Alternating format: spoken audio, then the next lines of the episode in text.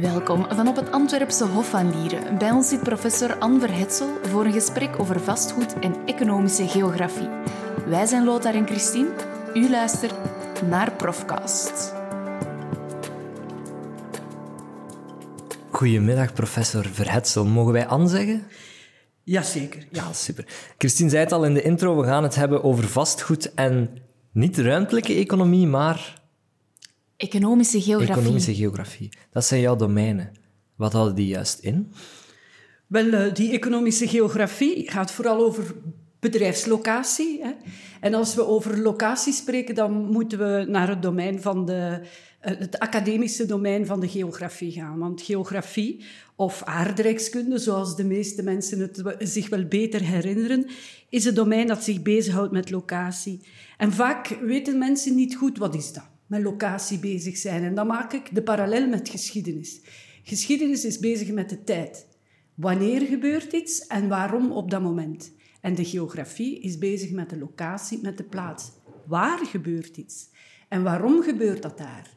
En als je inzicht hebt in waarom iets op een bepaalde plaats gebeurt, dan kan je als bedrijf of als overheid daar iets mee gaan doen.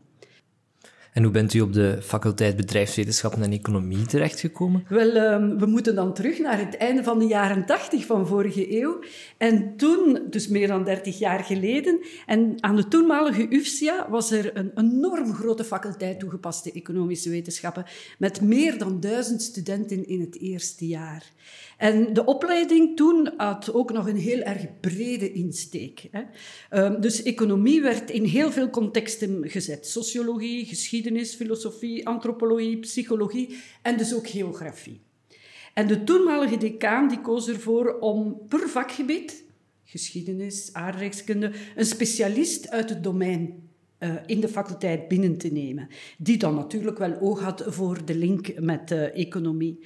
En zo ben ik als jonge onderzoeker weggekocht uit de KU Leuven. En ehm, ben, ben ik dan eigenlijk eh, bij mijn eerste baas, Guido de Brabander, die toen de prof economische geografie was, terechtgekomen. U hebt een transfer gemaakt. Ik heb een transfer gemaakt, ja. Dat, Ja, dat over- zo- dat overkomt alleen de allergrootste. Ja, maar ik, daar ga ik niks verder over zeggen. Jawel, jawel. Ik, ik voel een sappig verhaal. Vertel. Nee, nee, nee, nee. Het was zo dat ik in Leuven in mijn vierde jaar ehm, assistent was. Vier van de zes jaren. En eh, ik werd eh, door mijn eh, promotor, professor Goossens in Leuven, bij hem geroepen. En hij zei op zijn kouse voeten dat er een vacature was in Antwerpen die mij kon interesseren. En ik vroeg hem, professor, wilt je mij hier weg? Ja, maar zegt hij, Anne, je moet begrijpen, er zijn hier pas drie jonge proffen benoemd. We gaan nooit plaats voor u hebben. En als je doctoraat binnen de twee jaar maakt bij de Jesuiten, en dat zei al lachend, want hij was zelf een priester eh, van het bisdom, en er bestond wel enige hilariteit tussen priesters van het bisdom en Jesuiten. Eh, als je bij de Jesuiten binnen de twee jaar je doctoraat gaat maken, heb je een grote kans om vast benoemd te worden als prof daar. Dus ik zou dat toch maar solliciteren. en zo ben ik terechtgekomen, eerst bij de UFSIA en dan later bij de faculteit van de Universiteit Antwerpen.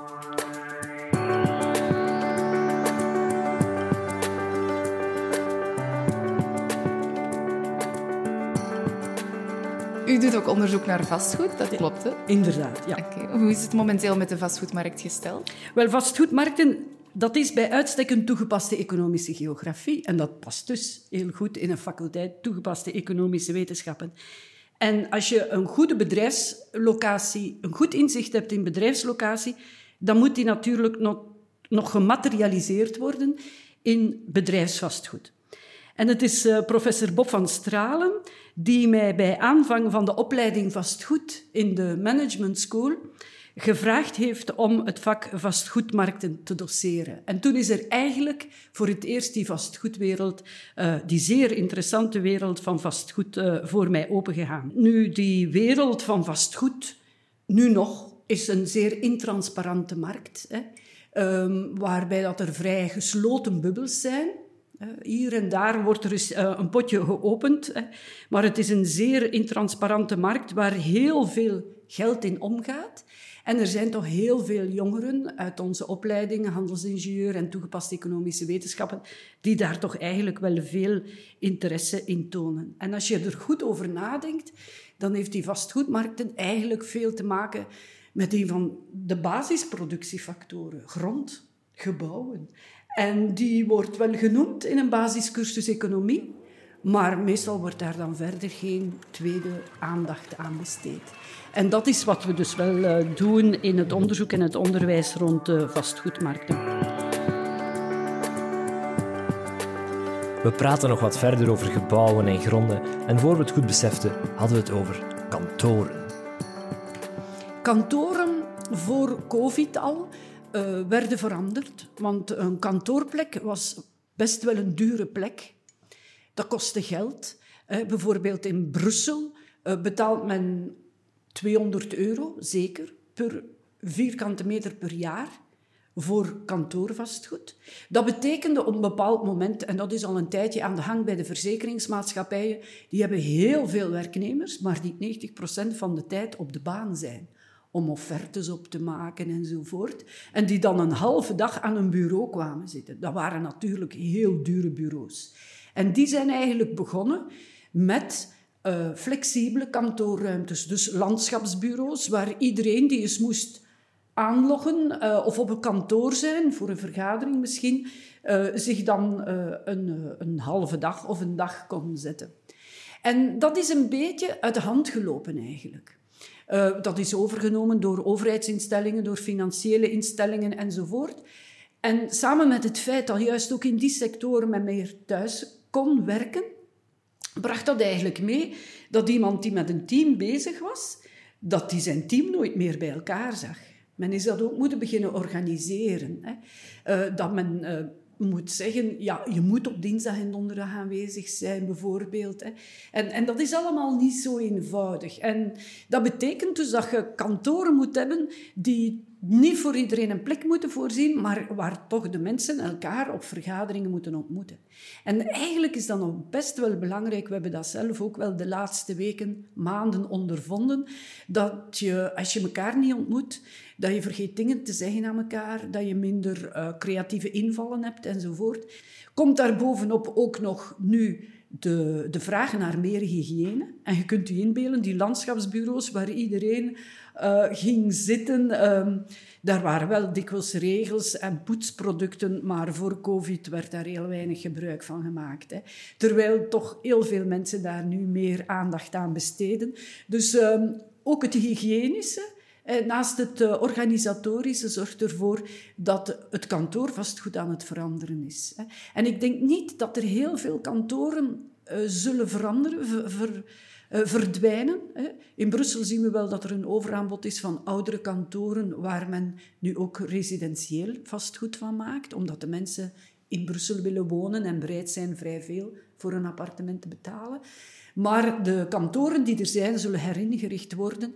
En men zal de mensen weer verder van elkaar gaan zetten, um, omwille van hygiënische redenen. En weer meer uh, echte kant, uh, vergaderlokalen voorzien om uh, het creatieve proces dat veel van onze economie nodig heeft, onderdak te geven.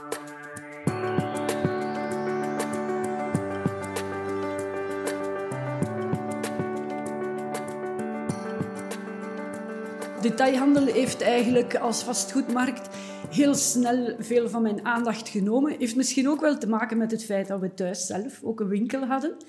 En dat ik dus wel uh, ook uh, de evolutie heb gezien en altijd blijven volgen. Welke winkel hadden jullie? Het was een winkel van elektriciteitstoestellen.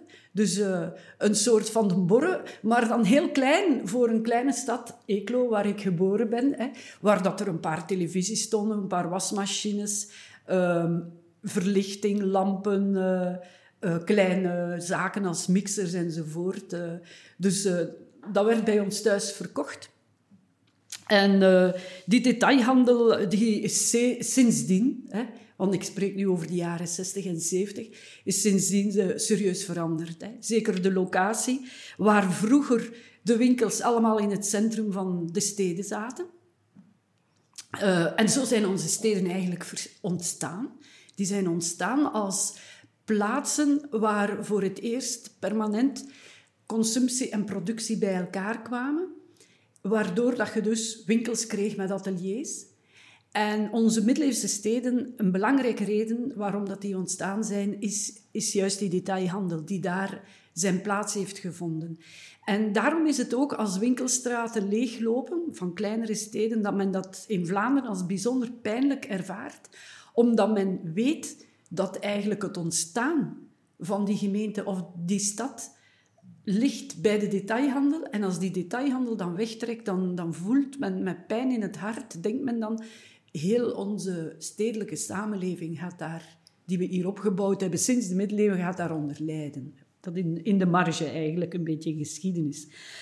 Maar um, dan hebben we het toch gezien dat um, vanaf de jaren zestig winkels uh, verschuiven naar de periferie.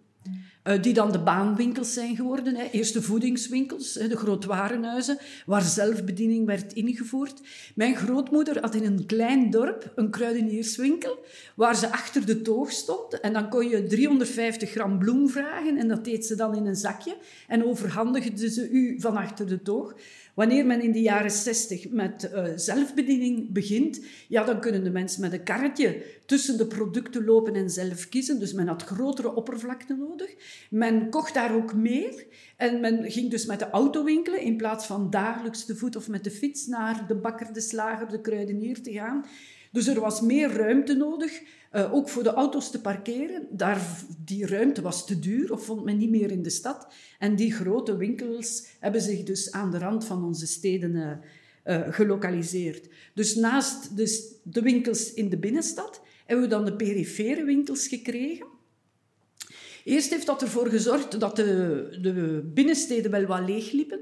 Maar men heeft toch vrij snel beslis, uh, be, beseft dat er heel veel volk blijft wonen in de binnensteden. En in Antwerpen woont nog altijd 500.000 mensen.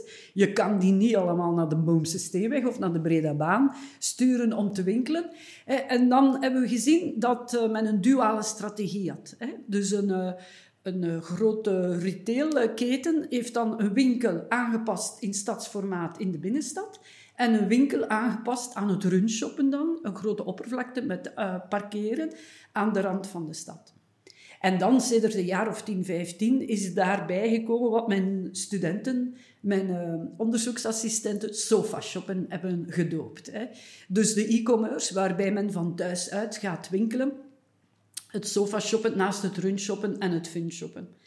En de toekomst volgens mij van de retail ligt bij die winkels en die ketens die, die de logistieke organisatie van die drie soorten locaties weten te integreren. En we hebben zo goede winkels, uh, ook uh, van Vlaamse ondernemers zoals AS Adventure en Tors en de Standaard Boekhandel. Daar kan je een boek uh, zien in de stad. Je kan het thuis bestellen dan. En dan wordt het misschien geleverd vanuit de grote perifere winkel naar, naar u thuis.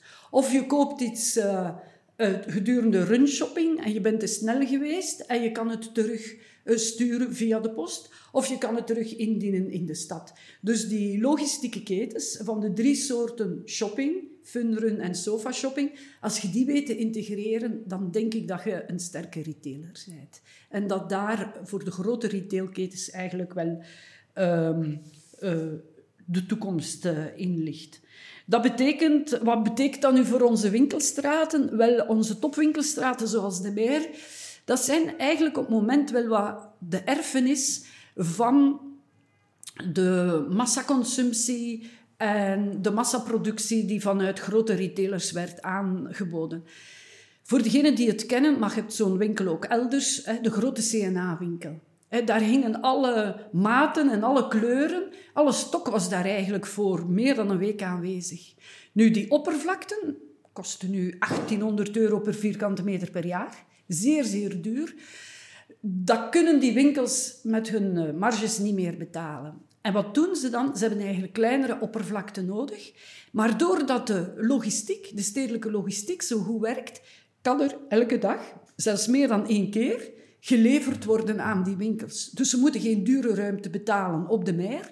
Daar hebben ze hun uh, nieuwste mooie producten. Maar als je een andere maat of een andere kleur wilt, dan kan dat ofwel thuis geleverd worden of ze laten dat namiddags in de winkel leveren. Kunt je de dag erop of twee dagen erop gaan afhalen. En dat brengt dus mee dat er minder grote retailruimte bezig zijn. Als je nu kijkt op de Meer, er zijn een aantal zeer grote oppervlakten die leegstaan. Was, we zien bij de, wat hebben we al gezien bij de CNA op de Meer?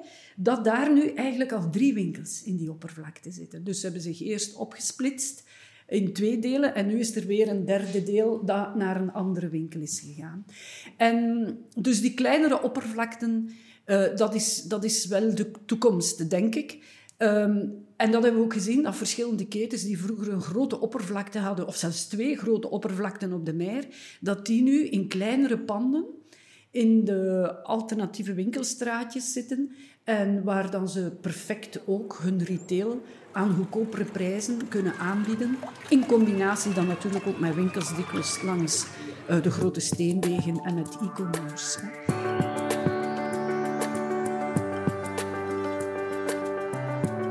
Anne Verhetsel is ook experte in ruimtelijke ordening.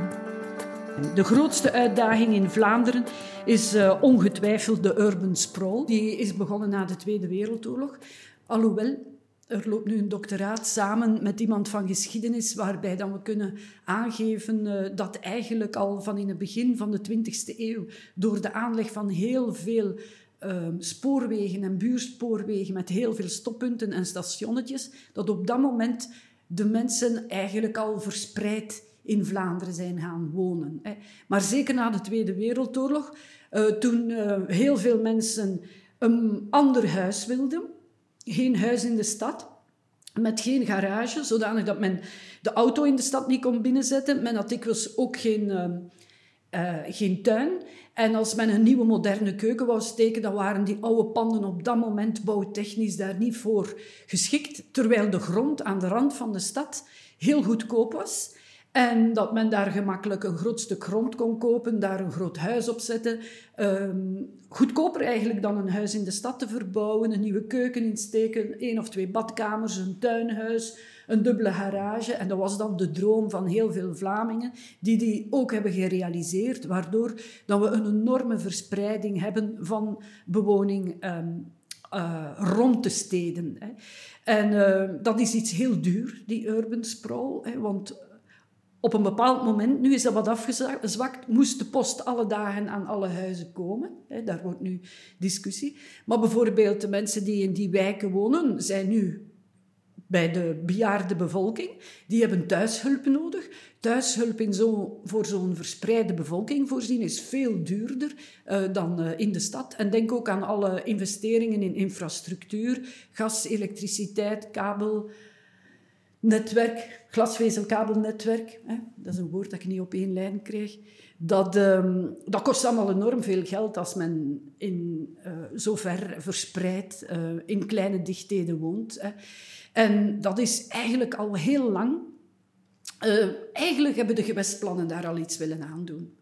En de eerste versie van de gewestplannen die wilden inderdaad het wonen beperken tot bepaalde gebieden. Maar er zijn dus voorontwerp, ontwerp en uiteindelijk gewestplannen gemaakt. De voorontwerpen waren goed, maar tussen de voorontwerpen en de gewestplannen heeft er zoveel gelobby gezeten dat men toen in die gewestplannen enorme oppervlakte industrieterreinen, enorme oppervlakte woonreservegebieden heeft ingekleurd waar men nu nog altijd kan bouwen. Het is een, voor economen heel als, als je dat gaat berekenen, een groot project in het begin van de jaren 90, hebben we dat voor het eerst berekend, hoeveel dat die urban sprawl kost. En dat is dus eigenlijk maatschappelijk eh, niet aanvaardbaar. Maar er is geen politieke wil om eh, het individuele niveau te overstijgen.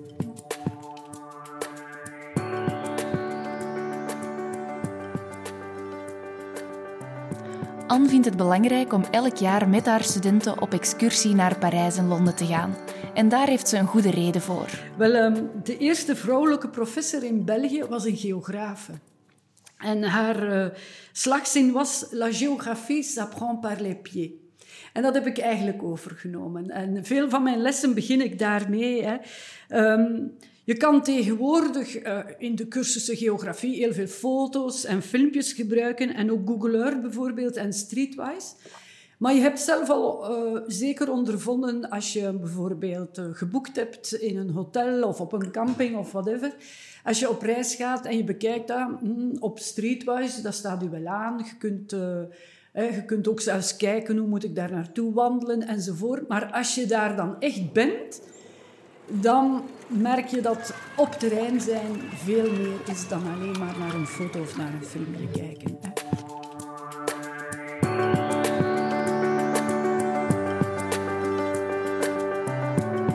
En op stap gaan met studenten, dat levert natuurlijk een vat vol sappige anekdotes op.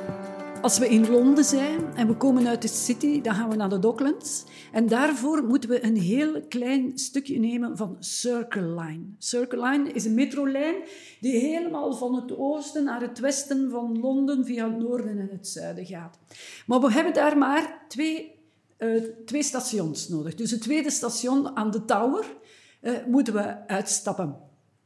En uh, ja, een tien jaar geleden geweest zijn, toen viel uh, op excursie gaan dikwijls nog samen met de periode dat de eindverhandelingen, de masterproeven, moesten ingediend worden. Dus er waren nogal eens wat studenten die een paar nachten hadden moeten doorwerken om een masterproef in orde te krijgen. En dan zette ik de excursie daar vlak achter, dat ze daar vanaf waren. Dat ze op een gemak mee konden op excursie. En zo was een, een, een student die op de Circle Line in slaap is gevallen. En dus niet in uh, Tower is uitgestapt en die is aan Kew Gardens, dat is helemaal de andere kant van de Tower van Londen, uitgestapt. En ja, die, ja, die was de groep kwijt.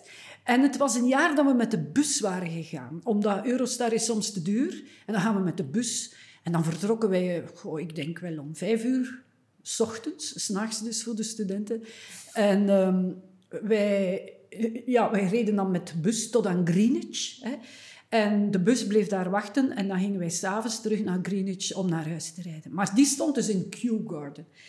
En die student had wel een gsm bij. Dat ging nog niet over smartphones op dat moment. En hij belde uh, op een bepaald moment, we wisten dat we hem kwijt waren, maar hij belde zelf naar medestudenten, maar er waren niet iedereen had op dat moment al een, uh, een gsm bij, dat hij dus aan Kew Garden stond en of we hem daar met de bus konden oppikken. Dan heb ik wel gezegd, uh, daar met de bus komen, dat duurt drie uur, dat gaan we niet doen heb ik hem gezegd, probeer zo snel mogelijk aan Greenwich te geraken. Maar die kon daar onmogelijk op tijd zijn. En wij moesten met de bus door de tunnel. En daar hadden we, de tunnel, daar hadden we reservatie voor. Dus wij konden niet wachten op hem. En uh, toen heb ik gezegd, ga toch maar naar de Eurostar-station. En dat is het laatste dat ik hem heb kunnen zeggen. Want zijn gsm was ondertussen plat. En hij had naar zijn moeder gebeld die dan via de universiteit de telefoonnummer van mij thuis had gekregen, waar mijn man mij dan kon opbellen op mijn gsm. Dus op die manier was het bericht bij mij gekomen dat hij er niet was geraakt, niet kon geraken, en um, dat de laatste Eurostar ook weg was. Maar wij konden hem niet meer bereiken, want zijn gsm was plat. dan heeft mijn man gebeld naar zijn moeder om te zeggen, zeg dat dat hij op hotel gaat en dat hij de eerste Eurostar de dag daarna neemt. Hè. En gelukkig, en dat is uitzonderlijk voor die tijd, had die student een betaalkaart bij. Die had een, een visakaart of zo bij. Dus die heeft inderdaad een hotel geboekt. Uh, ook al de Eurostar voor de dag daarna, de eerste Eurostar geboekt. En die is dan opgedoken om 12 uur de donderdag, de dag daarna, is die opgeboken op mijn bureau. Hij had zijn trein ook nog gemist, de eerste. Dus hij had dan de tweede moeten nemen. Maar zes weken later is hij als handelsingenieur transport afgestudeerd. En uh, ja, dat is uh, de, de, mooiste anekdote eigenlijk. En uh, door deze anekdote aan de studenten te vertellen, blijven ze allemaal goed in mijn buurt en zorgen dat ze niet te moe zijn als ze vertrekken. Gelukkig moet de masterproef nu maar op het einde van de maand mee ingediend worden. Dit was Profcast met Anne Verhetsel. Bedankt voor het luisteren. Wil je meer horen? Surf dan naar uantwerpen.be schuine streep profcast.